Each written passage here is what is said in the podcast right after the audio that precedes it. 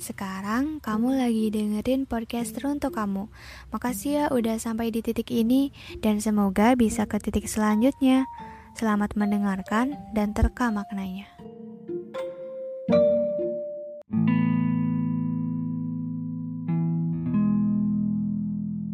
Ia pun sampai di persimpangan jalan dan menemukan buku yang bertuliskan nama Bijan.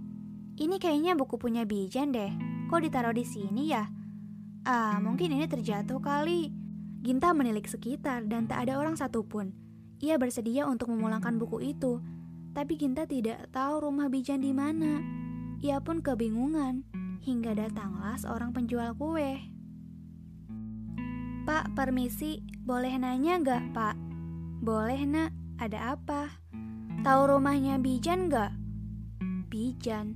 Bijan yang mana ya? Sekolahnya di mana, nak? Ginta pun menyebutkan nama sekolahnya, dan bapak itu pun mengetahuinya. Mau saya antar, nak? Tidak usah, pak, aku bisa sendiri. Benar, nanti malah kesasar lagi. Ya bapak temenin aja ya. Emang bapak gak keberatan? Enggak kok, bapak kan udah biasa. Ya udah deh pak, maaf ya pak kalau ngerepotin. Tenang aja nak. Eh iya, nama bapak siapa? Nama saya Koko nak. Oh Pak Koko, kalau nama aku Ginta, Pak. Oh iya, gimana sekolahnya? Lancar? Ya gitu deh, Pak. Sebenarnya Ginta sering dibully sama teman-teman Ginta, Pak. Ginta suka nangis di kamar sampai mama ngedobrak pintu. Waktu itu soalnya aku nggak mau makan. Oh alah gitu toh. Anak saya persis sama kayak kamu. Sama apanya, Pak?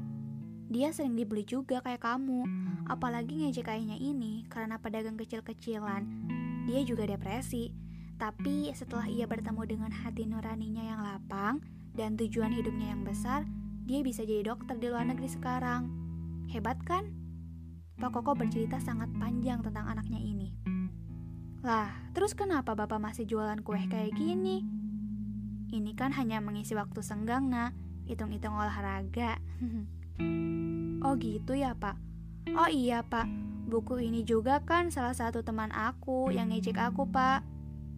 Lah kok kenapa mau ngebalikin itu? Ya ini kan sesuatu yang berharga. Bisa jadi ini sangat penting bagi hidup dia pak. Makanya aku balikin. Baik hati sekali kamu nak. Semoga bisa kaya anak saya yang kuat ya. Amin.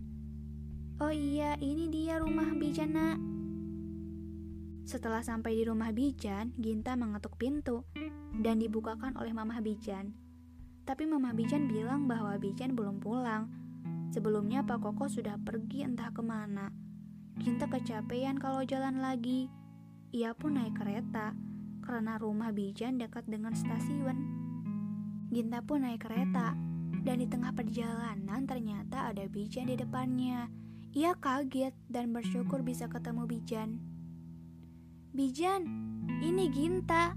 Hah? Ginta? Lo ngapain ada di sini? Aku baru aja pulang dari rumah kamu. Aku mau ngembaliin buku kamu. Buku kamu jatuh di jalan, tapi kata mamah kamu, kamu gak ada di rumah, belum pulang. Oh gitu, buku yang mana ya? Ini, Ginta memberikannya kepada Bijan. Oh ini, bersyukur banget gue bisa dapat buku ini lagi. Kirain gue ada yang minjem. Makasih banget ya, Gin. Dan maaf ya udah capek-capek nyari gue. Hmm. Maaf juga sering ngebully lo.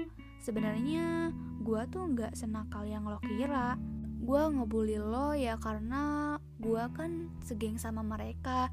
Jadi mau gak mau gue pura-pura buat ngebully lo deh. Iya, selalu aja Bijan. Mereka berbincang di kereta sangat lama, sampai-sampai mereka lupa waktu. Eh Gin, gue cabut dulu ya, ini udah kelewat stasiunnya. Bye-bye. Bijan melambaikan tangan kepada Ginta dengan senyuman yang menawan.